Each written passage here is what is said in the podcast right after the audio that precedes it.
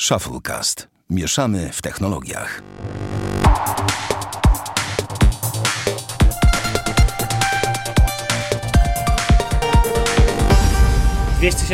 Ósmy odcinek Shufflecast. Witamy serdecznie, Damian Pracz. Dzień dobry. Ja, Sławek Agata. Em, drodzy słuchacze, w tym tygodniu jesteśmy z wami zaraz po Black Friday. Ale o Black Friday dzisiaj będzie. Ale trochę później. Ale zaczniemy od czegoś zupełnie innego. Em, czy chyba, że chcesz coś przed odcinkiem powiedzieć? Nie. Wszystko, co chcę powiedzieć, zawarłem w odcinku w temacie. To bardzo dobrze, bo spokojnie. mamy ich tyle, że, że akurat nie ma czasu na zabawy. Ferrari Daytona SP3. Zaczynamy od samochodów, proszę bardzo. No właśnie, Sławku, jakbyś miał wydać 2 miliony euro, na co byś to wydał? Na pewno nie na Ferrari Daytona SP3, ale jakbym samochód wybierał tego typu, to bym kupił Porsche 911 w klasycznej wersji. Taki na, No, widzisz. jak to Niemcy mówią, Auto für Wochenende. Taki na weekend. No widzisz, no generalnie Ferrari wypuściło kolejną jakby wariację swojego samochodu. Wariację, no kolejną. Ale czekaj, model, czekaj, tak? ale Porsche 911 klasyczne jest ładne, nie? No, Jezus, Dobra, piękne. Z lat 90. jeszcze. Mhm. Piękności. E, 80. nawet. No. No, wracając do Ferrari. E, kosztuje 2 miliony euro. Ma silnik wolnosący V12. To jest. To jest fantastyczne. E, setka robi poniżej 3 sekund. No i generalnie e, koszt, kosztuje, e, no, tak powiedziałem, 2 miliony euro i było 599 sztuk. Było, bo się wszystkie oczywiście sprzedały na pniu. A nie 499? Mm, ja czytałem, że 599. Okej, ja tu po prostu czytam sobie z autobloga do słaba, że jest, cytuję, pierwsi oferty zakupu otrzymali właściciele Ferrari Monza SP1 i SP2. Podobno Tak. każdy bez wahania wyłożył po 2 miliony euro na swój egzemplarz. Tak, No dokładnie To tak. rozwiązało problem sprzedania pierwszych 499 egzemplarzy. No, a pozostałe mm, są do puli takich ogólnej, A, co nie mają Monzy, tak, tych, tych, tych SP1, SP2. Okej. Yy, kończąc Czy wątek tylko ma 100 taki- jest takich do wolnej sprzedaży? Tak, no bo słuchaj, zawsze tak masz, nawet w przypadku Lamborghini czy jakichś innych marek, takich bardzo premium, bardzo, takich Bugatti i tak Mhm. dalej, to masz e, tak, że mm, określone samochody, które oni wypuszczają i nie są taką masówką, to najpierw e, oni sobie selekcjonują powiedzmy klientów. Okej. Więc osoby, które przez są kolekcjonerami Ferrari mają pierwszeństwo albo są jakoś na przykład bardziej znane, e, byli ki- kierowcy rajdowi, są jacyś w ogóle wyścigowi i tak dalej. No tak to działa. Tak Mhm. przykład, żeby kupić Lamborghini SVJ, e, SVJ-a, czyli najmocniejszą wersję Aventadora, e, też nie możesz wejść z bomby z marszu i sobie jej kupić. Możesz sobie kupić zwykłego Aventadora, ale SVJ-a nie możesz. Okej. E, Ponieważ gdyż musisz być, mieć ileś tam już wcześniej Lamborghini, w, jakby w swojej, swojej kolekcji, tam musisz posiadać i musisz tam mieć klienta. Nie możesz zrobić tego z bomby, z marszu, nie? Okej, jasne. No. Dobra. No generalnie silnik to jest e, zmodyfikowana jednostka z modelu 812 Competizione. Czyli fajnie, fajnie. E, 829 koni mocy, 697 Nm momentu e, i 340 km na godzinę prędkości maksymalnej. No, myślę dla mnie bardzo wystarczające wartości, nie wiem jak ty uważasz. Tak, ale gdzie, ale ten samochód dachu nie ma. E, no nie ma, jest piękny. Znaczy wiesz co, ja go traktuję jako bolid taki drogowy Formuły 1. Tak, no, tak. bo Znaczy, tak to wygląda. zabawka, no przecież nikt normalny by tym na Tak, ulicę nie wyjechał. tak. No przecież to, Eee, znaczy ja nawet no- nie wiem, powiem ci szczerze, bo jak się jest takim właścicielem, kolekcjonuje się takie auta, to często się je kolekcjonuje, się nimi nie jeździ. No tak, W sensie ja wiem, że stoją. to, tak, ale to jest kolejny przykład na to, że Ferrari wypuściło świetny wóz, y, który wygląda przepięknie. Dla mnie Jest jest, piękny, no. po prostu wizualnym majstersztykiem. Jest świetnie zaprojektowany wizualnie, aerodynamicznie i tak dalej. Ale to będzie kolejny wóz, który skończy tak naprawdę, nie wiem, trzy kółka na jakimś torze, powiedzmy, załóżmy, nie wiem, przykładowo Nürburgring i potem pozostałe 20 lat przesiedzi sobie w garażu, żeby go za 20 lat sprzedać za 5 razy tyle, co był tam kupiony, nie? Ty patrzysz na wszystko perspektywą sprzedać, ale są ludzie, którzy po prostu chcą go mieć zwyczajnie w No garażu. okej, no ale i tak- ale i tak nie będą go sprzedawać, nie? No i tak będzie stał w garażu, nie? Tak, tak, tak, tak. W ogóle co jest ciekawe, fotele są e, na stałe zamontowane w nim, nie wiem czy wiesz. Tak, nie możesz czyta- foteli przesunąć. Mhm. E, I musisz e, z jakby pozycja kierownicy regulujesz sobie tylko pedałami i przesuwaniem pedałów albo e, kierownicy. A, okej. Oczywiście pasy, oczywiście pasy, jakby takie niestandardowe, tylko te pięciopunktowe. Mhm. Mm, Także no to jest, to jest taka rajdówka, kurczę, tylko taka trochę bardziej luksusowa. No a i w ogóle większość rzeczy z kierownicy możesz obsłużyć tak naprawdę, żeby nie odrywać w ogóle rąk. Także No. Systemy kontroli trakcji, ABS. no, A Myślisz, że ma ABS? Nie wiem. Nie mam pojęcia, ale w ogóle cały samochód y, ma wysokość 114 cm, zresztą jest niziutki. Tak. To jest kosmos. To mam pytanie e, a propos tego. Czy niebieska tapicerka do czerwonego auta jest ładna, czy nieładna? To jest ważne pytanie. Sorry. No bo tutaj tak to wygląda. Niebieskie do Wiem, czerwonego. tak jest w materiałach prasowych, jak najbardziej. Znaczy, E, ja powiem no, ci szczerze, samochód jest piękny, wygląda fenomenalnie i te, to, to połączenie kolorów też mi nie przeszkadza. Z tego co wiem, to jest całkiem popularne połączenie e, w wykonaniu tego designera od, e, jak on się tam nazywa, Tak. pamiętasz? Jego Nie, nazwisko? nie pamiętam. E, ale po prostu, no jakby wiem, że on lubi to połączenie. Ja bym widział bardziej brąz. Albo czerni w ogóle całkowitą. No nie, czarnie jest nudna. Jak kupujesz taki samochód, to chcesz mieć, wiesz, żeby No było, tak. żeby było, to przecież wiadomo, że to nie chodzi o to, żeby on był, wie pan, to on się nie pojawi na fakcji używek na, za rok na Otomoto, więc No myślę, że nie. raczej nikt nie będzie, wiesz, i nikt go w gaz nie wbije. Piękne auto, piękne. 2 miliony baksów, czemu nie? Raczej 2 miliony, czekaj, 2 miliony dolarów czy euro? Euro, euro. Euro, uuu, to panie, to jeszcze do, po obecnym dolarków kursie to jeszcze 4,70. o, la, la, la, la. Optymista jesteś, tak? wiem. 70? Mm. Zaraz, będzie, zaraz się To to... jest tak tanio, bo za dwa miesiące będzie 5 zł. No, dokładnie. No nic, fajne autko. No dobra, a przejdziemy teraz do polecajek albo nie polecajek. W sumie to No. nie wiem. Nie mogę się zdecydować, powiem Ci szczerze. E, niemniej jest to dość intrygu- intrygująca produkcja pod pewnymi względami, e, ponieważ e, koło czasu od Amazonu. A czy powiedz mi, czy to jest ten serial, co ja ci wtedy wysyłałem, czy to jest inny serial? E, co na Amazonie mam cały obejrzeć? Wtedy w naszej rozmowie, tak powiedziałeś? To Tak, to tak, ten. tak, tak. Tak, to jest Takie ten, SF. E, Mhm. Tak, i generalnie e, jestem po czterech odcinkach. Od najpierw na początku e, Amazon opublikował trzy odcinki. Po czym po tygodniu wyszedł w piątek czwarte i będą odcinki publikowane co piątek, co dla mnie jest super, że nie zrobili jak Netflix, że nie wrzucili wszystkiego na raz, bo łatwiej jest to obejrzeć na czas, że tak się wyrażę. I jakoś nie jest takie przytłaczające. Tym bardziej, że serial od razu mówię, nie powoduje przynajmniej u mnie mm, czegoś takiego, że chcę oglądać go więcej. Mhm. W sensie, że po jednym odcinku chcę więcej, nie mam z tym problemu. E, I generalnie to jest na powieści mm, jakiegoś pisarza, boże, o tym samym tytule, Jordana, tylko nie pamiętam teraz imienia, przepraszam. E, jakby zaczerpnięty jest materiał źródłowy i Amazon e, ma bardzo duży budżet, bo na jeden odcinek wywalił 15 milionów dolarów. Mhm. Czyli można było oczekiwać czegoś na miarę gry o Tron. Niestety koło gry o Tron to nawet nie stało. E, przynajmniej po czterech odcinkach. Mm, A ja tylko poprawię, pan się nazywa Robert Jordan. O właśnie, Robert Jordan. E, No i po czterech odcinkach e, mam dość mieszane uczucia. Generalnie oglądam, bo ma to uważam bardzo duży potencjał. I brakuje mi seriali takich mocno science fiction w klimacie powiedzmy bardziej średniowiecznym ala. Chodzi ci o fantazy. Bo tak naprawdę Fantazy, tak. Mhm. Tak, tak. Y, Klimat fan, fantazy w, właśnie osadzony jakby w średniowieczu, z jakąś Mhm. tam magią i tak dalej. Jest tego bardzo mało, uważam, a ja bardzo lubię takie, takie, takie produkcje. Pam, pam, para, Ale- pam, pam, para, pam. Na przykład. E, a druga sprawa, ale przejdźmy może do naszej do, do rzeczy. Mm, Cała fabuła od samego początku jest dość zagmatwana, bo generalnie serial, e, zwłaszcza w pierwszym odcinku, leci mm, bardzo szybko. Przeskakuje to tu, to tam i tak dalej. I ciężko się w tym połapać. Po czterech odcinkach dalej do końca się w tym nie mogę połapać, bo nie jest to jakby tak narracyjnie super wyjaśnione. E, I to mój jakby pierwszy zarzut do, tego, do tej produkcji. Mm, Drugi zarzut do tej produkcji jest e, praca kamery, która przy jakichś mm, scenach walki, czy jakichś tam, nie wiem, najazdach i tak dalej, gdzie coś się dzieje, jest e, strasznie chaotyczna. Jakby, no, nagrywają z ręki, biegają wszędzie, wszystko się trzęsie i generalnie wygląda to źle. Aczkolwiek jakby zmontowane jest super, tylko po prostu odbiór tego, że to się tak trzęsie, jest filmowane od dołu często i no, to nie wygląda to najlepiej na świecie. E, Kolejna sprawa jest taka, że te dialogi są dość drętwe między bohaterami. Mm, Jakby nie przekonują i są takie bez emocji, bym powiedział wręcz. E, Kolejna, Okej. kolejna sprawa. e, mm, Aktorzy, którzy grają najmłodszych bohaterów e, w tym serialu, czy taką powiedzmy czwórkę dzieciaków, około 20-letnich, może nie takich dzieciaków, ale generalnie oni są, uważam, dość drętwi w tym, co robią i na w porównaniu do swoich starszych koleżanki, kolegów mocno widać tą przepaść.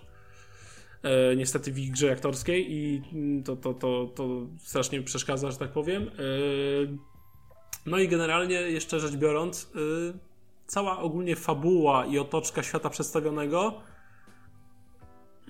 jest dość dziwna, bo strasznie szybko zmieniają się lokacje. Jakby nie masz poczucia tej odległości, jak oni tam są gdzieś idą przybytej. bo bardzo szybko jest to zmieniane i generalnie to też mnie nie przekonuje. Nie, bo trochę takiej spójności mi brakuje i często są wrzucane jakieś takie nazwy własne albo mm, jakieś inne tego typu rzeczy, które nie są do końca wyjaśnione i to może przytłoczyć, ale jest też sporo pozytywów według mnie. Yy, po pierwsze, CGI nie wali po oczach, ale przy takim budżecie nie spodziewałem się niczego innego. Jest sporo efektów CGI. Właśnie chciałem Cię zapytać o e, wartość realizacyjną, bo to no. mnie najbardziej obchodzi, bo i mhm. też e, proszę Cię nie zdradzaj za dużo, bo ja chcę bardzo obejrzeć to właśnie z okay. że czemu ja tego właśnie jeszcze nie włączyłem. Okej, okay, no to tak, jeżeli tak chodzi o to, CGI w ogóle nie wali po oczach. Znaczy, może nie w ogóle, ale w większości przypadków naprawdę jest dobrze zrobione i jest to przekonujące. Mm, te postaci, takie mm, powiedzmy coś ala orki, to nazwę. Ale to nie do końca. Ale po prostu jakby tam e, siły nieprzyjaciela, o. E, są zrobione bardzo przekonująco, bardzo fajnie. E, nie ma poczucia jak z Wiedźmina pierwszego od Netflixa, że to ktoś założył tanią perukę i maskę na twarz i ten aktor grał sobie jakiegoś tam typa, tylko naprawdę są zrobione dobrze i to kostiumy naprawdę są ok. Kreacje, jakieś charakteryzacje i tym podobne rzeczy moim zdaniem są naprawdę bardzo w porządku. E, tak samo ujęcia typu na przykład e, z lotu ptaka coś nagrane, czy jakieś pokazanie, wiesz, e, jakiś... Um, um, kurczę, wyleciało mi słowo, widzisz? O, pokazanie... Z lotu ptaka. Krain, krain, o na przykład krain, jakieś okay. ujęcia na góry, na tego typu rzeczy są też zrobione super.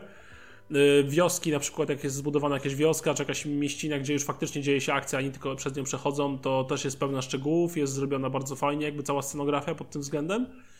Mm, no, charakteryzacja, kostiumy to jest myślę bardzo duży, bardzo duży atut tego serialu pod tym względem. Mhm. No i właśnie poza pracą kamery to same walki są fajne. Jest dość krwawo, co tego się nie spodziewałem, bo spodziewałem się, że w dobie dzisiejszej y, poprawności politycznej to będzie zaoranie tego typu rzeczy, ale jest dość krwawo, fajnie. To daje takiego realizmu i moim zdaniem przyjemniejszego odbioru. Mm, no i pod tym względem takie realizacyjne myślę, że to się naprawdę mocno broni. Okej. Okay. Także super. wiesz, no generalnie nie stawiaj się na super produkcję, taką z wybitnymi dialogami i jakiś mega wciągający świat, który naprawdę jest ogromny, bo jak przeczytałem e, jakby recenzję, taką opis tych powieści tego e, pana pisarza, który to napisał, no to ten świat przedstawiony jest e, ogromny. Jest strasznie wielki. E, ale póki co no, nie, nie, nie chwyta za serduszko, nie mam poczucia, że chcę więcej, ale uważam, że warto dać temu szansę i, i ma to, myślę, naprawdę spory potencjał. Okej, okay, spoko. No. E, myślę, że możesz ja... spokojnie mhm. obejrzeć. Co, to może ja coś jeszcze też szybko polecę.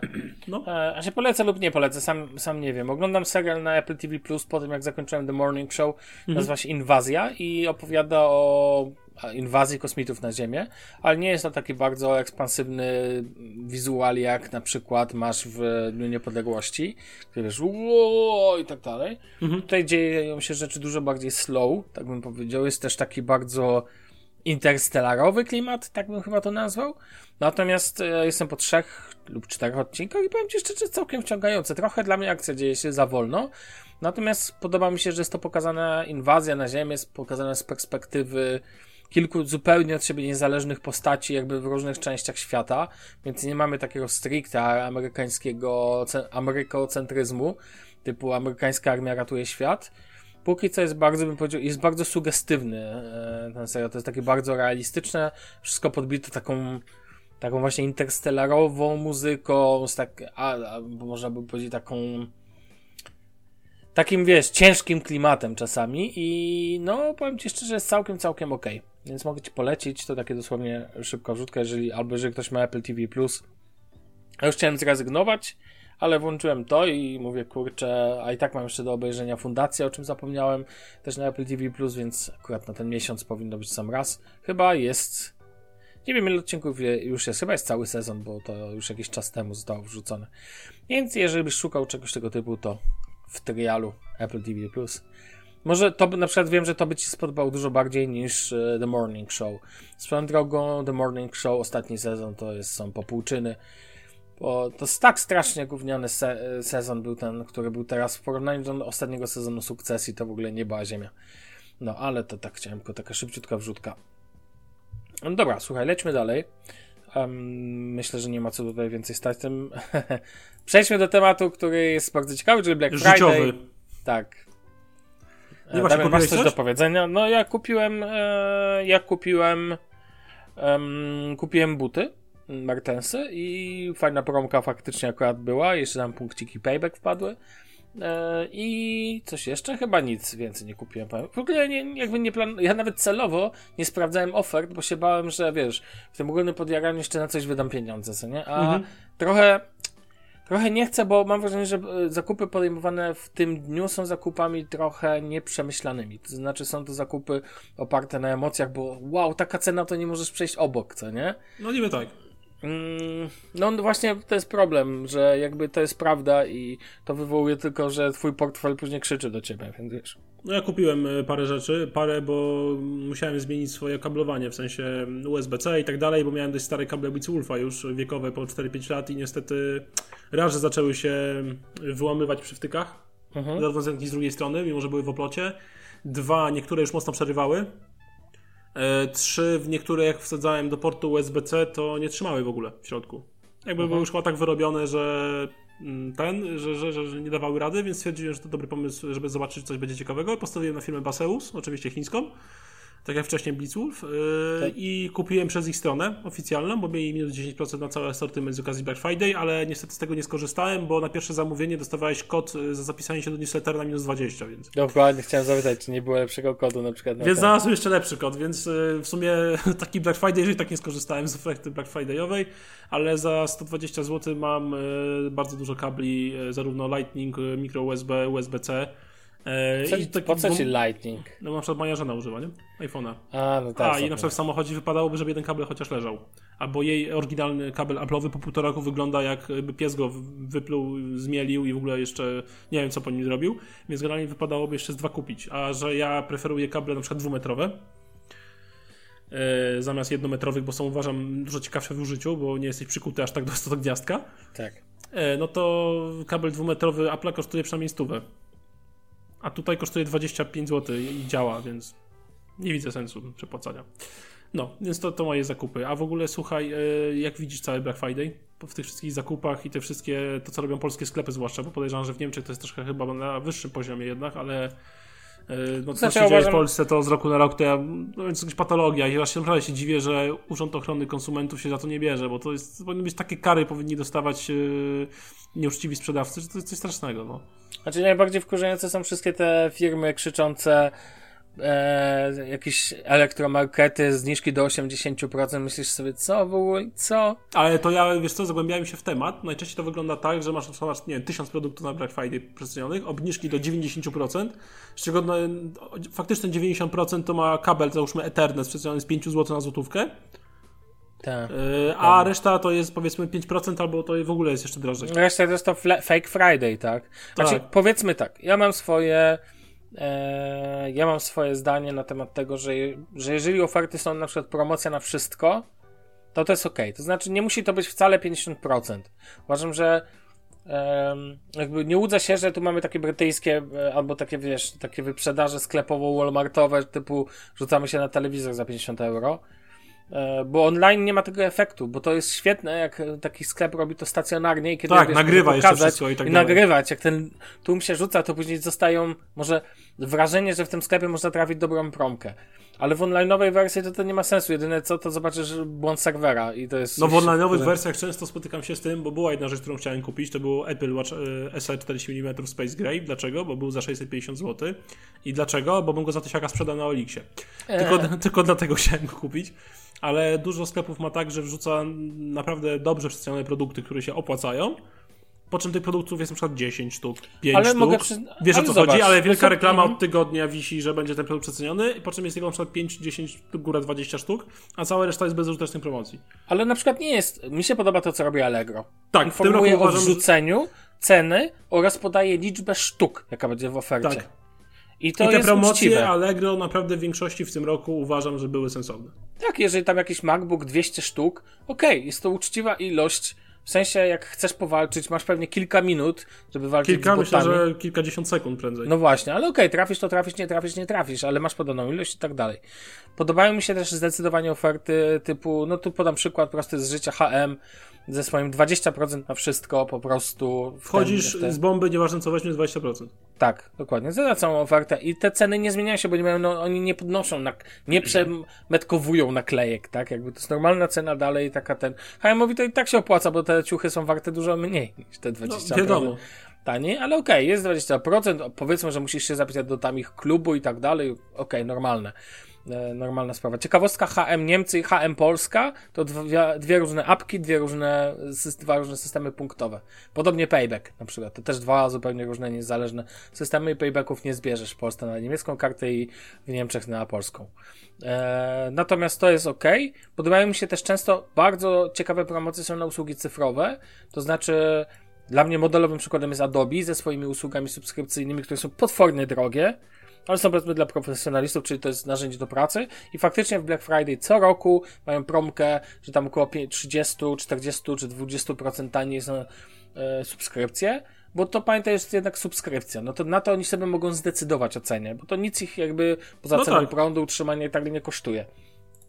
Więc mogą sobie na takie rzeczy pozwolić, to też jest ten. Więc ja uważam, że jak wiesz, gdzie szukać, czasami nawet podoba mi się to, że jest w jakimś sklepie darmowa dostawa, szczególnie jak ona jest droga to powiedzmy ma to sens, tak? Jeżeli coś chciałeś kupić i tak dalej. Ja uważam tylko, że nie ma co się nastawiać na jakieś przeceny typu z, z, rzadkimi wyjątkami właśnie typu Allegro, że ten telewizor dzisiaj kosztuje nagle 500 zł, a wczoraj kosztował 1000 zł albo 2000 zł. Dokładnie tak. I wiesz, i ty wchodzisz na Fake Friday, bo jest ta strona, pamiętam, że jest taka, a, gdzie sprawdzasz ten cenę i okazuje się, że podnieśli, tam widziałem takie przykłady chyba słuchawek Apple, że podniesiona cena o 300-400 zł jednego z elektromarketów, e, a później cyk, przekreślone i Black Friday i cena wraca, ba, nawet jest, ni- jest wyższa niż ta oryginalna cena sprzed kilku miesięcy. Więc wiesz, oczywiście ktoś powie inflacja i tak dalej, ale bez przesady. Wiesz co, jeszcze najbardziej nie lubię, nie rozumiem tego, że jest jakby, to jest jeden dzień w roku. Czyli pierwszy piątek po święcie Dzień Czynienia, bo oczywiście to wyszło ze Stanów.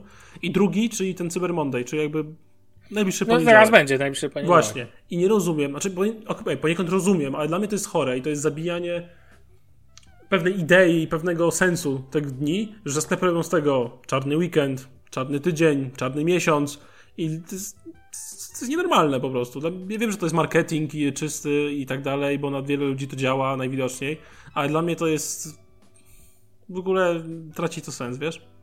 Takikolwiek, bo te promocje tak na dobrą sprawę nie różnią się, nie wiem, od czego od tygodnia akcesoriów, czy jakiegoś innych promocji wiosennej, czy nie wiem, wyprzedaży przedszkolnej, wiesz o co chodzi. Najlepsze są takie rzeczy jak Black Mont i masz czarny miesiąc w ogóle. O Jezus. No, no tym mówię, no to jest porażka.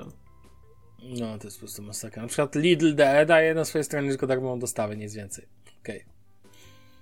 5 euro taniej. Także no Apple na przykład daje mm, karty podarunkowe, w zależności od co kupisz na ich stronie. Tylko ten paradoks tego jest taki, że karty podarunkowe działają przy następnym zamówieniu, i drugi paradoks jest taki, że najczęściej produkty Apple, które są na ich stronie, czy na przykład słuchawki AirPods, które kosztują 1249 zł, e, w sklepach normalnych, bez żadnych kart podarunkowych kupisz za 900 zł, nie?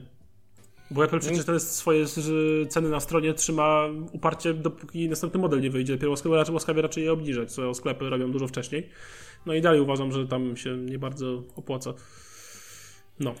Teraz Disney Plus ma ofertę w Niemczech 99 centów. Mhm. Eee, zabawne. Na miesiąc kupujesz, a dodatkowo jak korzystasz z punktów payback, to tam masz chyba 450 punktów plus um, plus jeszcze dodatkowo są jakieś 200 punktów z jakiegoś kuponu, to daje łącznie 650 punktów, czy 650. Czyli płacisz euro, żeby dostać 650. Taka, taki wiesz, wychodzisz na plus. Jeszcze mhm. kupujesz, jeszcze ci oddają pieniądze.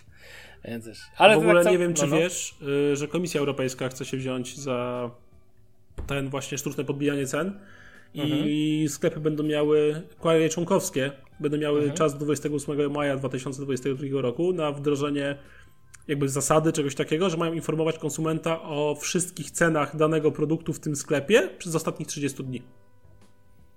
Brzmi spoko. No, tylko znając nasze świetne sklepy, yy, stwierdzą, że podniosą 31 dnia przed Czarnym Piątkiem ceny, potem podtrzymają sobie te 30 dni wyższą cenę i potem wrócą do tej samej, albo nawet troszkę wyższej niż była w Czarny Piątek. Gwarantuję, mhm. że tak będzie. 100%. E, no tak, tak, chociaż powiem ci, że ogólnie spoko. Ogólnie jestem. Tak, to bardzo dobra zmiana, jak najbardziej. Ja w ogóle uważam, że, do, że dostępna historia cen powinna być dostępna przez rok. To znaczy nie, że przy cenie, tylko że jeżeli chcesz sprawdzić to, to Tak. na przykład na stronie internetowej danego sklepu mają obowiązek pokazywać historię ceny danego produktu od momentu od trze- 365 dni Tak. wstecz. Dokładnie tak. Na tyle. przykład, ale obecnie możesz to zrobić chyba na skąpcu i na cenę, jak jesteś zalogowany, że masz historię cen w tych serwisach podają, wiesz? Mhm. I tym To się wiem, można że- posiłkować. No i to jest uważam spoko. Dokładnie tak. No wiesz, ale mówię, ja uważam, że Black Friday ma sens, jeżeli robisz to z mózgiem i nie rzucasz się na jakieś absurdalne, głupie promocje, tylko sprawdzasz, weryfikujesz. Jak się okazuje, że oferta jest dobra, to to nie ma znaczenia, czy ty kupisz to w Black Friday, czy kupisz to w White Monday, co nie rozumiesz, czy Tak. White Wednesday, czy Cyber, Cyber Monday, no, że tak powiem. W sensie dowolnym dniu roku, jeżeli oferty są ten, faktycznie może się zdarzyć, że w danym momencie będą lepsze oferty. No ja się z tym nie spieram, bo być może tak, by- być może tak będzie. Ale dobra, chodźmy dalej, bo ja tu muszę skończyć odcinek w, najdalej w godzinę, więc... Dobra, lećmy, lećmy. E, Okej, to teraz ja, Terojo. Przechodzimy do takich stricte technicznych tematów, mianowicie chciałem powiedzieć o One Password e, dla Windows, który wyszedł teraz w wersji nowej, w wersji ósmej. Zainstalowałem sobie, nawet wykupiłem sobie subskrypcję, mimo tego, że używam Bitwardena w wersji premium. I takie mam szersze spostrzeżenie, bo One Password to jest program, które w sumie chciałem dać mu szansę kilka razy, już podchodziłem do niego. I miałem nadzieję, że w końcu zmienili dwie czy trzy głupoty, które mają w sobie. Przypomnę dla tych, co nie wiedzą, One Password to menedżer haseł i drodzy słuchacze, używajcie menedżerów haseł. Damian nie używa. E, Mam no, w moją głowę. No, A do prostych haseł używam, y, no to od Google, no, takie do sklepów internetowych do czegoś, no to wiesz. No ja generalnie używam Bitwardena na co dzień, lubię ten program, chociaż on też nie jest idealny. Mm, trochę jest mało funkcjonalny, brak mu jakichś takich bardziej rozbudowanych rzeczy, ale okej. Natomiast One Password w wersji 8, ale także ponieważ ja testowałem sobie wersję obecną na Androida, to ważne, nie mówię w perspektywie apek na Maca, bo ich nie używałem. Wiem, że on, oczywiście one są, no bo stamtąd się wywodzi One Password, ale One Password jest postrzegany przez wielu jako chyba najlepszy menedżer haseł, jaki jest dostępny, więc mówię, zainstalowałem, wykupiłem subskrypcję, no mogę w 14 dni z niej zrezygnować, więc e, a i tak kupiłem ją w promce Black Friday'owej oczywiście, zapomniałem o tym, ale to jest taki zakup, wiesz, jakby nie, nie planuję z nim zostać. Chociaż, chociaż powiem Ci szczerze, no pierwszy raz jakby mm, nowa wersja powoduje, że mi się trochę bardziej podoba, bo po pierwsze, wielki plus, w końcu One Password instalując jedną apkę plus jeden dodatek, nie musisz nic więcej, y, dodatek do przeglądarki. Te dwie rzeczy już działają ze sobą bez żadnych większych problemów, bo do tej pory pamiętam, że wymagał takiegoś parowania specjalnego i tak dalej, i tak dalej, jeżeli chodzi o Windowsa. Teraz natomiast wtyczka do przeglądarki typu Edge, e, nowa wtyczka i nowa aplikacja działa bardzo sprawnie ym, i w momencie jak masz e, jakby Windows Hello działa normalnie i tak dalej, wtyczka jest bardzo funkcjonalna. Program też. Jednakowoż cały czas pozostały dwie rzeczy, których nie trawię po prostu totalnie. Pierwszą jest to, że w One Password chyba jako jedynym programie tego typu, jeżeli chcesz zapisać hasło, to cały czas robisz to przed e, przed, yy, powiedzmy wpisujesz dane do logowania na stronie. No tak. Nie, login, hasło. I One Password podpowiada ci w tym momencie, żebyś zapisał to hasło. I jak klikniesz takie specjalne okienko zapisania hasła, przed momentem kliknięcia zaloguj. Ważne. Czy masz te, masz jakby wpisałeś login, wpisałeś hasło i on od razu pojawia się taki prompt, taki, taka informacja, czy chcesz to zapisać do One Password. Czyli zanim się zalogowałeś. I teraz, e, jeżeli kli- powiedzmy, że klikasz tak, ok, fajnie. I teraz jeżeli zapisałeś to do One Password, a następnie klikasz zaloguj i okazuje się, że hasło jest błędne. No bo zdarza się, że nie pamiętamy hasła i robimy metodą prób i błędów dwa, trzy razy, no bo masz dwa hasła w głowie i jedno z nich może być poprawne, więc testujesz stronę, żeby sprawdzić, które, a to jest topa, rozumiesz, to hasło. Ale ty już zapisałeś to hasło w One Password, więc ono jest tam zapisane błędnie, jeżeli to błędne. Jakie to jest irytujące. Większość menedżerów, przykład Bitwarden, działa w ten sposób. Wpisujesz dane hasło, klikasz zaloguj i na stronie, która się wyświetla nowej i pojawia się mały monit na górze, czy chcesz zapisać to hasło do e, do Bitwarden. Jesus. To I tak to powinno takie- działać. Robisz to po zalogowaniu, No a nie przed. Czyli nie na ślepo, tylko po prostu faktycznie ten, no, różnica drobna, ale bardzo męcząca, kiedy właśnie, tak jak w moim przypadku, czasami strzelasz hasło. I to mnie bardzo irytuje. To jest jedna rzecz. Druga rzecz to jest metoda wyszukiwania. Ja nie jestem fanem LastPassa. e, programu, który teraz ma bardzo złą prasę, już jest płatny i tak dalej, bardzo drogi, ale LastPass miał najlepsze wyszukiwanie ze wszystkich menedżerów haseł.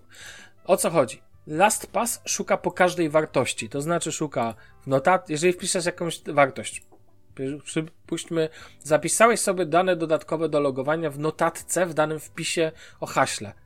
I jeżeli wpisałeś sobie tam dodatkowe dane, powiedzmy jakiś dodatkowy user, to w tym momencie LastPass przeszuka tą notatkę, jej treść i wyświetli ci treść. treść. Bitwarden, którego używam, tego nie zrobi. On przeszukuje tylko tytuł, yy, tytuł i nazwę użytkownika.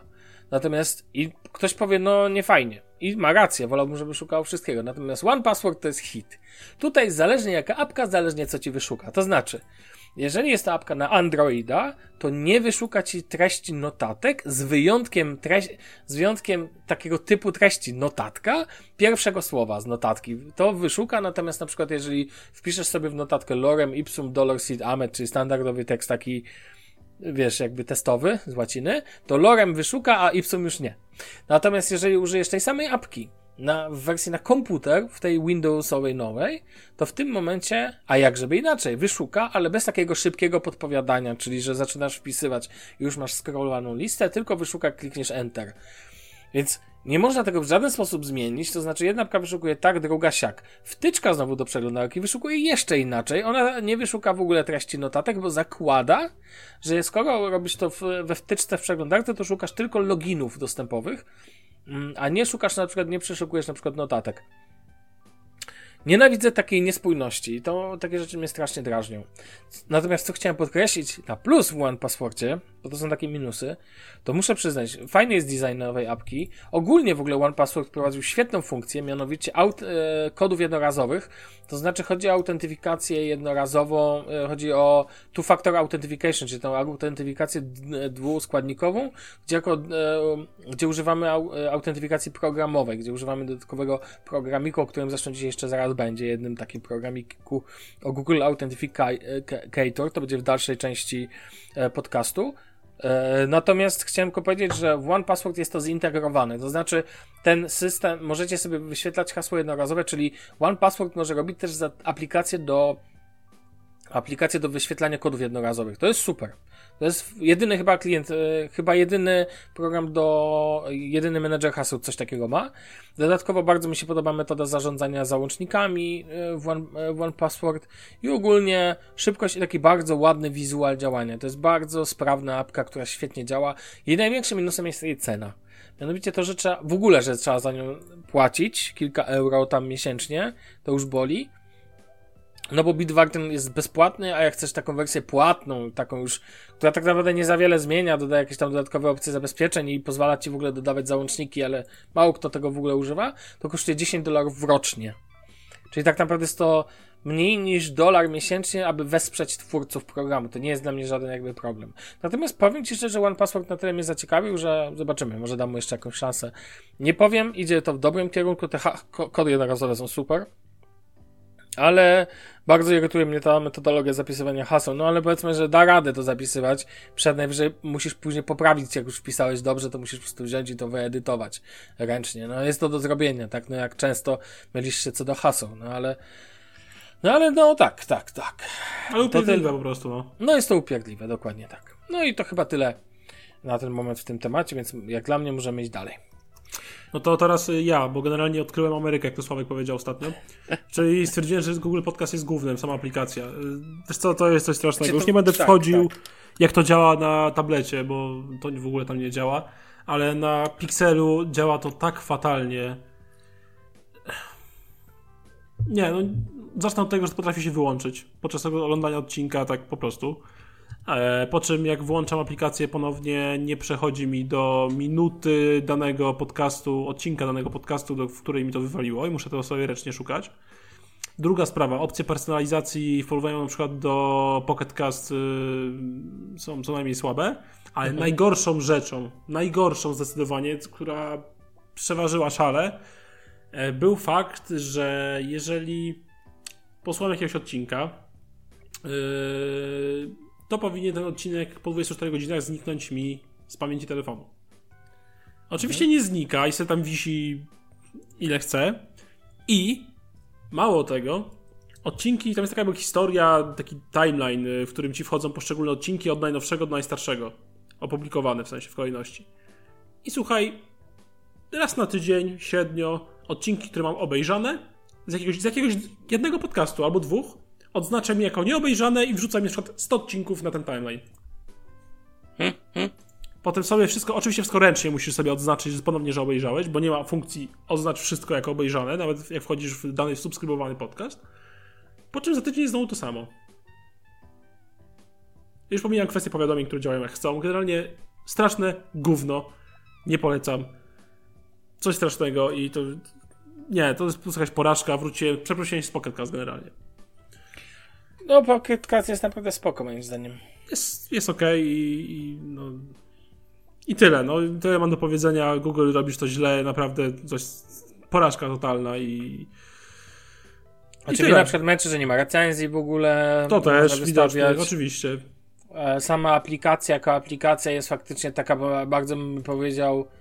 Um, bardzo jest dla mnie kapryśna, o, szukałem tak. słowa, kapryśna. I wygląda jak zrobiona na kolanie. Żadnych wyróżników bez czegokolwiek przyjemnym dla oka, tak naprawdę żadnych opisów, to nawet Spotify lepiej zarządza, mam wrażenie, mhm. podcastami mm -hmm. niż Google Podcast, co jest w ogóle już żenujące, a teraz Spotify da zarabiać w ogóle. Ale generalnie uważam, że, że, że Google Podcast jest tak totalnie minimalistyczna aplikacja, a na dodatek, co najgorsze, to właśnie jest niestabilna i to jest e, jej duży minus. Na tle Apple Podcast czy Pocket Cast, który jest dużo bardziej e, rozbudowany i pozwala ci zarządzać. I działa. Tak ten, I działa. E, to to jest w ogóle nieba ziemia, też tak uważam i, i tu się z tobą w pełni zgadzam. Ale to pozwól, że ja powiem tak to o innej aplikacji od Google, która jest syfem. No, proszę bardzo. Google Authenticator, czyli ciąg dalszy tematu troszkę One Passworda, mianowicie aplikacja, za pomocą której możecie sobie. O, aż się Google z wrażenia włączył. E, aplikacja, za pomocą której możecie sobie wyświetlać kody jednorazowe do logowania się do dwuskładnikowego, czyli powiedzmy do, nie wiem, Facebooka, E, Twittera i miliona innych miejsc, gdzie można podpiąć tego typu kody. To jest bardzo sensowna metoda, przypominam, autentyfikacji. Nie idealna, ale bardzo sensowna. No i wszystko fajnie. Jednym z najpopularniejszych autentyfikatorów na świecie jest właśnie Google Authenticator. Są takie znane aplikacje jeszcze jak chociażby Duo, czy Auti, czy Microsoft Authenticator. No i wszystkie te apki są lepsze, gorsze, ale Google Authenticator, który niby jest pewnym standardem rynku, jest po prostu największym syfem. Dlaczego? Z dwóch głównych powodów. Po pierwsze jest to aplikacja, która przypomina wyświetla kody jednorazowe, czyli jeżeli musicie gdzieś na stronie zalogować, przykładowo evernote.com i to może, że najpierw logujesz się hasło, dla tych, co naprawdę nie wiedzą jak to działa, to login hasło, a następnie jest prośba o podanie tokenu. I on jest, musisz wejść do tej apki, i w tej apce ten token sobie jest zainstalowany w tej specjalnej apce i tam przez 30 sekund widzisz 6-cyfrowe hasło. Ono jest ważne tylko 30 sekund, musisz je wpisać w tym czasie i wtedy przenosi cię do aplikacji. Problemem Google Autentyfikatora jest to, że on jest całkowicie niezabezpieczony na, swoim, na Twoim telefonie. To znaczy, jeżeli ktoś by dostał się do Twojego telefonu i przeszedł przez pierwszą linię zabezpieczeń, czyli kod, od, wiesz, odblokowanie mhm. twarzą w iPhone i tak dalej, to po prostu klika aplikację Google Authenticator i pojawiają mu się kody aktualne wyświetlane. Żadnego zabezpieczenia dodatkowego, co uważam, że jest za syf jakich mało, bo jest to aplikacja do zabezpieczenia rzeczy. I tam powinieneś przejść jeszcze jeden level, wiesz, zabezpieczenia, tak? No na przykład komuś pożyczyć na chwilę telefon, bo chce coś obejrzeć, nie wiem. No to nie chcesz, żeby ta osoba miała dostęp teraz. Ja na przykład na telefonie zabezpieczam dodatkowo zawsze odciskiem palca każdą aplikację, która na to pozwala. Ja mam tak I samo. Są, I są apki, które powiedzmy, ok, nie muszą być tak zabezpieczone, no nie wiem, YouTube, no albo nie wiem, coś gdzie tylko czytasz, Reddit, jakkolwiek, tak? Albo nie wiem, inne tego typu, no przeglądarka chociażby. Ale są apki, na przykład bankowa aplikacja, no przecież wymaga od ciebie dodatkowego logowania do banku, tak? Na no telefonie. tak, oczywiście. A jest to aplikacja Google Authenticator, która też wymaga od ciebie zalogowania. Ona jest po to, żeby ci podać hasło. I ona po prostu se klikasz działa. No to jest absurd. Google, błagam. To jest jeden problem tej apki. Drugi problem tej apki to to, że nie, nie działa ona są na to metody, można transferować dane i tak dalej, ale generalnie działa ona na jednym urządzeniu. O co chodzi? Tego typu aplikacje trzymają te tokeny, jakby one generują w pamięci telefonu. To nie jest tak, że one działają online. One nie muszą być online, telefon nie musi być online, żeby ci kod wygenerował. Po prostu go wcześniej wprowadziłeś, jakby dane do tej strony, jakby typ tokenu wprowadziłeś po prostu wcześniej już, jakby ustabili, to, ta strona typu facebook.com dawała e, jakby, żeby zainstalować token do danej strony, musisz specjalnie, wiesz, tam wejść do ustawień e, Facebooka i pobrać takie ustawienia dla takiej aplikacji, więc to nie jest, i sobie wtedy w tle działa taki token. No i fajnie, tylko że to działa offline i fajnie, ale jeżeli stracisz telefon w przypadku Google Autentyfikatora, to tracisz dostęp to musisz sobie znowu wygenerować taki ze strony, jeżeli masz do niej dostęp. Oczywiście są tam jakieś metody pewnie z, yy, przywracania i tak dalej, ale generalnie ta apka nie ma backupu. Po pierwsze nie ma backupu, a po drugie nie można jej używać w tak zwanym trybie multi-devices. Czyli nie można jej używać na więcej urządzeniu w sposób taki normalny, bo oczywiście znam na internecie, widziałem, że są metody eksportu danych, importu na nowy komputer, no ale błagam, to na przykład Microsoft Authenticator za pomocą konta Microsoft pozwala, to w ogóle śmieszne, na przykład na iPhone'ach pozwala ci zapisać do iClouda, ale musisz mieć konto Microsoftu. Ale okej, okay, pozwala ci zapisać, czyli jeżeli byś miał jakieś na innym urządzeniu, na drugim iPhone'ie albo na drugim telefonie apkę Microsoft e, Authenticator, to możesz ją się też synchronizować i na dwóch telefonach możesz mieć token. Rozumiesz? Bezpieczeństwa. Nie na jednym. Redundancja, głupcze. Chodzi o to, żeby backup do backupu był też. I tutaj jest taka sytuacja. Auti pozwala ci, e, chyba jeden z najpopularniejszych, jeśli nie, nie najpopularniejsza apka, obok Google Authenticator, taki główny e, element rynku, mam wrażenie. Tam bez problemu masz tryb multi-devices, możesz sobie na ile urządzenia chcesz dodatkowo, bo masz apkę dla Windowsa. W ogóle zabawna sytuacja. Microsoft Authenticator, aplikacja od Microsoftu, nie ma wersji na Windowsa. Jest tylko wersja na iOS i na Androida. Mindfuck dla mnie. A żeby było śmieszniej, Auti, apka zupełnie niezależnej firmy, ma wersję dla Windowsa. No to jest w ogóle. Ma też wersję na Maca, oczywiście. Więc możesz ten token sobie wyświetlić na telefonie, na telefonie drugim, na komputerze. Ja używam takiej chyba teraz apki 2FAS, która jest bardzo fajna, minimalistyczna i ona na przykład też ma. Ona ma zabezpieczenie, ona jest całkowicie darmowa, malutka i co fajne w niej, e, backup robi do Google Drive'a. I możesz sobie na dowolnym urządzeniu ją zainstalować. Działa szybko, sprawnie i. Piękna, piękna sprawa, kodzik szybko się wyświetli. Znaczy, akurat brakuje mi wersji dla Windowsa. E, Auti ma niestety tą wadę, że jak chcesz ją, e, tą właśnie ta, która ma wersję dla Windowsa, niestety tam musisz się zarejestrować do przez numer telefonu. Więc jak stracisz numer telefonu, to i tak masz problem. Ja nie lubię takich ograniczeń. Wolę jednak, żeby to było niezależne na przykład backupowało się bez żadnego konta e, do na przykład Google Drive'a, tak jak tutaj jest. No i każda z tych apek, które wymieniłem, ma wcześniej logowanie, czy to za pomocą pinu wzmocnienia, na przykład pinu, który możesz zamienić na kryptografię, czyli na albo twarz, albo na odcisk palca, zależnie od platformy, jakiej używasz, albo po prostu jakimś dłuższym hasłem i kryptografią. Tak, no co to za problem dodać odcisk palca, tak? Google w swoim Androidzie, na którym ma aplikację, nie może tego dodać. Dla mnie to jest syf. Nie używajcie Google Authenticator. Ja wiem, że są jeszcze opcje sprzętowe, czyli te YubiKey i tak dalej, ale jeżeli używacie tego w wersji software'owej, to nie róbcie tego przez Google Authenticator, bo ktoś po pierwsze nie ma backupu, a po drugie a po drugie, co ważniejsze, uważam w tym przypadku, nie ma żadnego zabezpieczenia aplikacji. No to jest po prostu syf i gówno. I tak to nazwę po imieniu i mogę przejść, i możemy przejść dalej. Właśnie, przejdźmy dalej do recenzji Battlefield 42, 2042 oczywiście. Mhm który, powiem chyba to na samym początku, bo to nie ma co to widać bawełnę. Uważam, że jest głównym totalnym i napluciem w twarz graczom. Wiesz co, wyjdziemy strasznie na hejterów, bo przed chwilą ja przyjechałem się Authenticator, teraz ty zaczynasz od ten, dajesz. Tak, ale najpierw jeszcze... Mam to gdzieś. E, zanim przejdę dosłownie do Battlefielda, zastanawiam się, zastanawiam się na temat jednej rzeczy. Jak długo jeszcze studia projektujące gry i firmy będą wypuszczać totalny, niedorobiony szajs, z masą błędów, niewczytujących się tekstur, przechodzących przez ściany NPC-ów, e, większych, mniejszych gier, jakichś bugów graficznych, tego typu rzeczy, żeby gracze w końcu przestali mm, płacić za preordery i wywalać kupę kasy na te gry, które są niedorobionymi gównami. I zastanawiam się, jak długo jeszcze Unia Europejska i wszystko inne będzie na to pozwalać, żeby wypuszczać projekt w fazie alfa albo beta. To samo było z Cyberpunkiem pod tym względem niedoróbek. To samo było z GTA e, Trilogy Definitive Edition. E, no i to samo jest z Battlefieldem.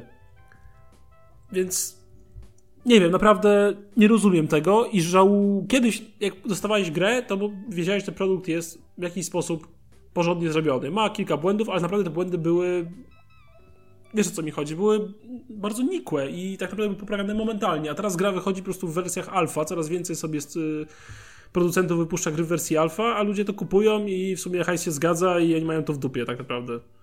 I potem sobie czekasz wieki na poprawienie tej gry. No, to wracając y, z tej dygresji do samego Battlefielda, Aha. Dlaczego uważam, że jest to naplucie w twarz fanom serii i generalnie jest totalnym gównem, bo inaczej tego nazwać nie można? Zacznijmy od pozytywów, których jest bardzo mało. No.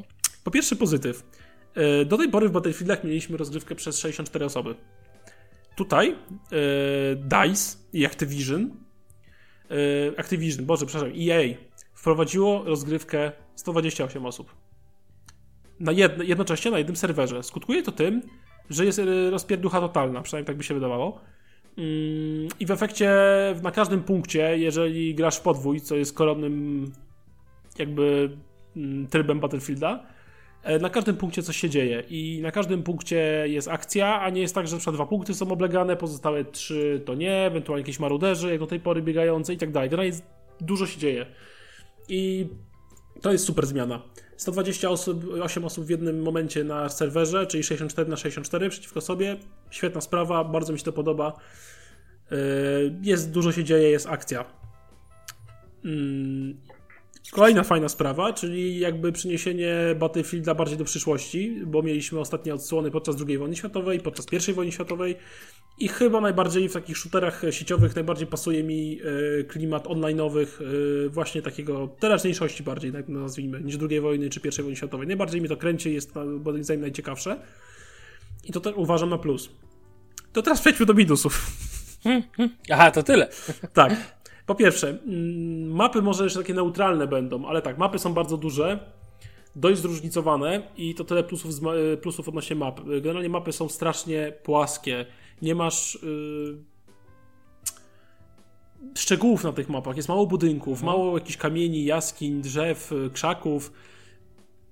Tego typu rzeczy są strasznie wyprane ze szczegółów, strasznie wyprane z detali. Nie bardzo jest gdzie się schować, na przykład jesteś snajperem i tak dalej. Strasznie wygląda to nierealistycznie i mi się to w ogóle nie podoba. Do tego graficznie te mapy no, też nie wyglądają jakoś super i mapy z Battlefielda 4, y, mojej ulubionej części, prezentują się o wiele lepiej mimo słabszej grafiki. I przede wszystkim do mapy mam taki zarzut, że do tej pory w Battlefieldach było tak, że można było dowolnie rozwalać ściany, przynajmniej większość ścian, budynków, były jakieś wgłębienia w ziemi od y, pocisków i tak dalej. Tutaj praktycznie to nie istnieje. Czy ten klimat takiej wojny totalnej został wypaczony. Moim zdaniem mhm. oczywiście. Druga sprawa jest taka, że jest problem z pojazdami. Jest fatalny balans pojazdów. Fatalny. Do tego stopnia, że najlepszym pojazdem w grze jest poduszkowiec. Który, który żeby poduszkowiec zniszczyć, musisz, musi dostać dwie rakiety y, z przeciwpancerne, czas nawet trzy. Jest tak szybki, że nie sposób w niego wycelować i ma tak potężne działa, że w zasadzie gromi piechotę, czołgi, wszystko naokoło. Poduszkowiec. Już pomijam fakt o tym, że jest tak y, zabugowany, że wiedzie wszędzie pod pionową ścianę wieżowca. Co jest absurdem. Yy, oczywiście mówię o grze w stadium jakby na premierę, bo wyszedł patch yy, niedawno, chyba w czwartek. Yy, na tym patchu grałem dwie godziny. Yy, I o tym powiem, co ten patch poprawił na koniec. Mhm. Yy, a nie poprawił za wiele. E, druga sprawa, te pojazdy jest za mało. E, pojazdy w zasadzie są z takiej samej ilości jak do tej pory w Battlefieldach, gdzie grało w jednym momencie 64 osoby. I jeżeli w jednym serwerze oczywiście, czyli po 32 w jednej drużynie. I w tym momencie, jeżeli mamy 64 osoby w jednej drużynie, tych pojazdów zostało tyle samo, co przy 32 osobach, w gruncie czego mm, połowa osób dyma z buta na początku mapy i przemieszczenie się z respa, z bazy jakby na jakieś punkty trwa wieczność. To jest za długo bo te mapy są większe niż w poprzednich Battlefieldach i tych pojazdów powinno być zdecydowanie więcej, choćby jakichś prymitywnych kładów, jeepów czy czegokolwiek innego, żeby piechota mogła się przemieścić dużo szybciej. E, no bo niestety to jest głupie, bo rozrywka gdzieś tam się dzieje, a ty sobie dopiero wesoło lecisz przez, e, nie wiem, odśnieżoną, ośnieżony lodowiec na przykład sobie biegniesz z buta, no i to tak, to, to jest niefajne. Kolejna sprawa baran z broni, który leży, kwiczy i nie wiem jak to nazwać, to jest coś absurdalnego. Karabiny mają tak losowy rozrzut, tak losową fizykę, że jakby mam wrażenie, że ktoś po prostu na kanapie to pisał i sobie ustawia parametry. Ten karabin jeden będzie miał rozrzutu, ten 5, ten 17 i w ogóle nie patrząc na to, co to jest za broń, jaką ma charakterystykę i, i tak dalej. No to jest, to jest jakiś absurd i w efekcie nie da się grać niczym innym niż jednostrzałowcami szturmowymi tak naprawdę. Co to znaczy?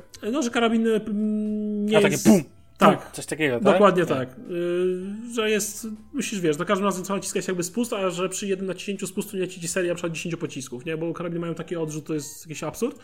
I te karabiny jednostrzałowe są nawet lepsze niż snajperki, bo jak y, dorzucisz do nich lunetę w wyposażeniu, to ta luneta nie ma rozbłysku, rozbłysku jakby, nie?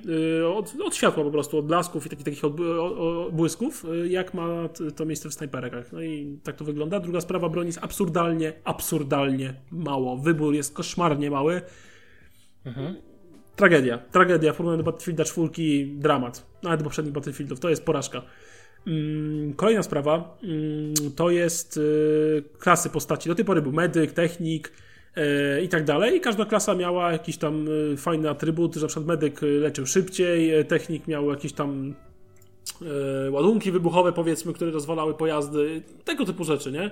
E, Oczywiście zabrali klasy postaci, e, wprowadzili specjalistów, którzy są armią klonów na dobrą sprawę i niż nie, brakuje różnorodności po prostu w tych klasach i zaorali tych medyków i taki wyraźny podział na klasy, wprowadzili specjalistów, te umiejętności specjalne są nijakie strasznie.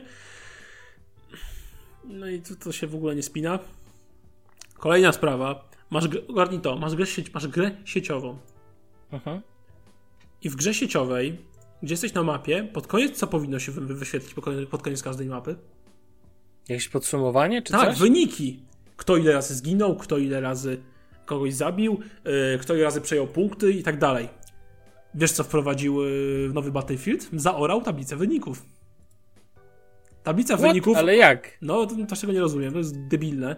Zaorał tablicę wyników. Tablica wyników sprowadza się, uwaga, tylko do tego, jak jesteś w czteroosobowej drużynie, grupie, czymkolwiek. I to mało tego, w tej czteroosobowej drużynie, grupie też nie masz podziału, ile ty masz killów i y, deadów, tylko ogólnie jest podsumowany wynik twojej czteroosobowej drużyny.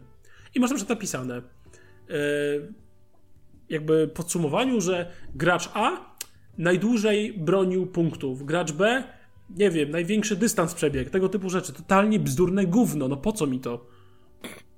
Druga sprawa, odnośnie tych drużyn, grup, nie możesz przechodzić yy, pomiędzy innymi drużynami i grupami. Do tej pory w Battlefieldach było tak, że przydziałeś się do grupy A, ale chciałeś ją zmienić, bo trafiłeś na dwóch kretynów, którzy nie potrafili z tobą grać, a grałeś sam, przerzucałeś do grupy B. Gdzie byli, powiedzmy, bardziej ogarnięci ludzie. I nie było z tym problemu. Do tego był czat głosowy. Oczywiście w Battlefieldzie teraz tego nie ma. Nie możesz sobie zmienić grup z A do B, z B do C i tak dalej, bo nie, ponieważ fuck you. I nie ma czatu głosowego pomiędzy w danej grupie, ponieważ fuck you. Więc w zasadzie jak grasz sam, to grasz sobie sam. A jak, y, a jak chcesz grać na przykład dwie czy trzy osoby, to też nie możesz zablokować tej drużyny grupy, żeby jakiś random ci tam nie wszedł i nie psuł wam rozgrywki albo was nie denerwował, y, tylko bo się nie da, ponieważ fuck you. No i w ogóle zaoranie sensowności Battlefielda po raz kolejny. Na kolejnej Okej. płaszczyźnie. Yy, kolejna sprawa. Yy, ścieżka dźwiękowa. Jest totalny rozpierdziel, nie słyszysz nic, nie słyszysz kroków, że ktoś biegnie, po prostu ze wszystkich stron jest totalnie chaotyczne, są powrzucane dźwięki, jak się obracasz w dane strony swoją postacią w grze, mam wrażenie, że to nijak nie reaguje na to, z której strony ten dźwięk napływa, czy do prawej, czy do lewej słuchawki. W efekcie jest jeden wielki rozpierdziel i mógł sobie ten dźwięk wyłączyć wyjść na to samo, będziesz miał cisza i spokój. Mhm. No. E, Model poruszania się w Battlefieldzie e, 2042 e, to kolejny właśnie krok wstecz. Wspomniałem o pojazdach, wspomnę jeszcze o e, jakby fizyce poruszania się e, postaci. Jakby tym mm, swoim żołnierzem, którym sobie sterujesz, uważam, że jest mało, mało realistyczna, mało sensowna jest tego fizyka. E, na przykład ja, jak są skoki, gdzieś skakujesz, to czasami na wyższą półkę mogę, mogłem wskoczyć, a na niższą wydawałoby się nie mogłem wskoczyć. I skumaj temat. Nie ogarniam. E, druga sprawa, jest to gra sieciowa. Nie ma single playera, jest tylko multiplayer. I słuchaj, jeżeli grasz sobie na jakimś serwerze i chcesz zaprosić kogoś do gry do ciebie, to nie możesz. Lol. Nie możesz. Ponieważ fuck you, nie możesz. Musisz, musisz wyjść z gry, dołączyć wtedy z kolegą i wtedy sobie możecie się wesoło połączyć. Mało tego, nie ma wyszukiwarki serwerów w ogólnym lobby, w grze sieciowej. Więc nie możesz sobie ustawić, że na przykład podoba ci się mapa A i chcesz grać tylko na mapie A, to nie możesz. Musisz e, zlitować się i jakby w model losowania yy, na model losowania. Druga sprawa, po każdej zakończonej rozgrywce działa to strasznie głupio, ponieważ wywala cię do głównego lobby i tam ponownie łączyć do gry, więc w efekcie, jak grałeś mapę B i tej mapy już byś nie chciał, co byłoby naturalne, bo przechodzisz przez cykl map, powiedzmy, tam 5, 6, 7 i tak dalej, więc każde mapy powinny się jakby mm, spadać do kolejki do, na sam koniec, nie? Mhm. A tu tak nie ma. Po każdej grze na mapie B łączysz się do lobby i znowu możesz trafić na mapę B. No to jest kolejny absurd. Po prostu nie mogę. To, to jest tak wykastrowana gra z podstawowych znaczy, fundamentów. Bo jesteś bardzo emocjonalnie, mam wrażenie, związany. Może nie jak z Gotikiem, ale... ale Battlefield ten... 4 jest moją ulubioną grą sieciową, moim ulubionym shooterem. Battlefielda 1 nie lubiłem przez yy, wzgląd na klimat I wojny światowej. Battlefield 5, mimo swoich błędów, y, przez klimat i tak dalej, był bardzo ok. Ale to, co odwalili 2042, do którego będę porównywał do czwórki, bo to jest najlepsza część mhm. Battlefielda według mnie, pod względem sieciowym i była wspaniała yy, pod względem fizyki, map i całej reszty, to po prostu jest takie totalne gówno, że to się w głowie nie mieści. I to jest, najgorzej mi to denerwuje, że gra sieciowa, która jest wykastrowana z podstawowych funkcji gry sieciowej. Ponieważ fuck mhm. Ponieważ my wiemy lepiej. I ja nie potrafię tego zrozumieć. A to jest ciekawości, to jest taka tylko. Rozumiem, że to jest Twoja opinia, to ja wiem, ale czy. Jak, jak jest um, z opinią innych? W sensie, czy. No, na, meta, na Metacriticu ta gra pod nie szoruje, pod wodorostami. Tak? Się masa gówna wylewa na Steamie, na wszystkim, na twórców tej gry, że wykastrowali grę z podstawowych założeń gry sieciowej że właśnie mapy są płaskie, nijakie, jest za mało pojazdów, beznadziejny balans broni, beznadziejna fizyka. To jest jakiś absurd, tylko się cieszę, tej gry nie kupiłem. Tyle ci mogę powiedzieć. I dalej Czyli uważam, że no preorders. Nie, nie kupiłem tej gry. Grałem y, dzięki uprzejmości znajomego. Okej, okay, jasne. E, I to... nie kupię tej gry. Po prostu dalej będę sobie z banem na twarzy grał w Battlefielda 4 E, mhm. pokazując głęboki, mocny i wybitny środkowy palec 2042, co jest po prostu absurdem. I uważam, że nawet jak poprawią tą grę, ta naprawdę jest, uważam, za dużo do poprawy w tej grze, żeby ta gra miała sens. Ta gra nie ma żadnego sensu.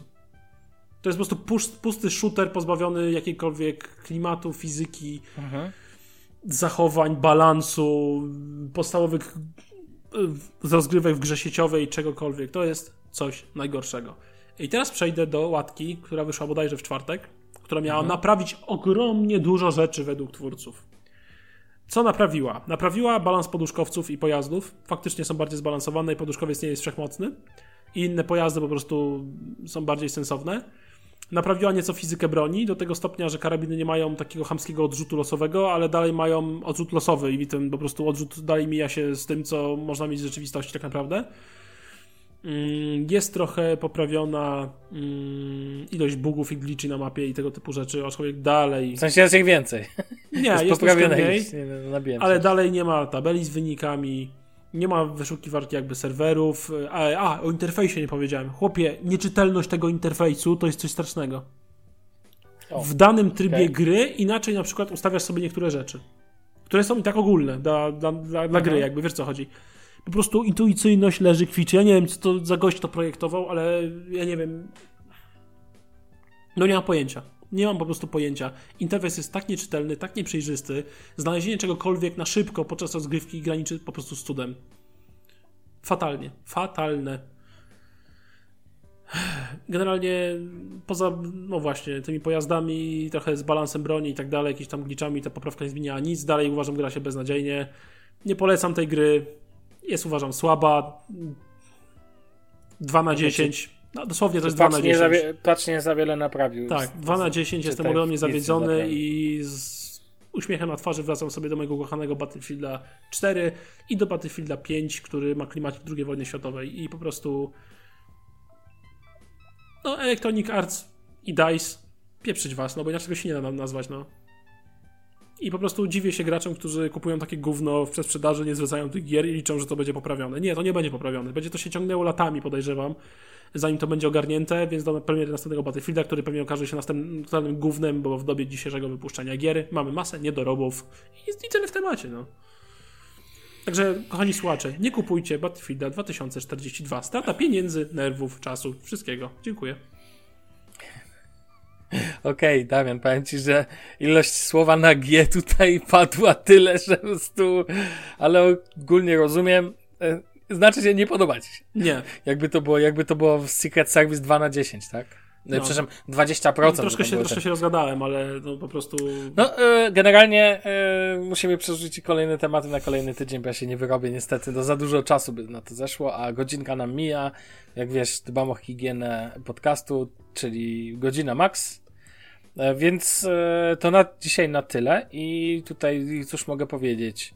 Drodzy słuchacze, e, to był kolejny odcinek e, Shufflecast. W przyszłym tygodniu mogę wam zapewnić, że będziemy rozmawiać m.in. o Galaxy Watch 4 już się po, po, po, będę już po dwóch tygodniach używania ponad, więc będę mógł sobie go spokojnie zrecenzować i powiedzieć wam, czy warto, czy nie warto. Chociaż wstępnie mogę powiedzieć, że warto, ale jak dokładnie, to już zobaczymy w kolejnym tygodniu. Dziękuję Ci, Damian, za dzisiaj. Dziękuję Ci, Sławku, za dzisiaj. Ja także ten. E, drodzy słuchacze, słyszymy się w kolejnym tygodniu. Trzymajcie się, na razie, cześć. Cześć.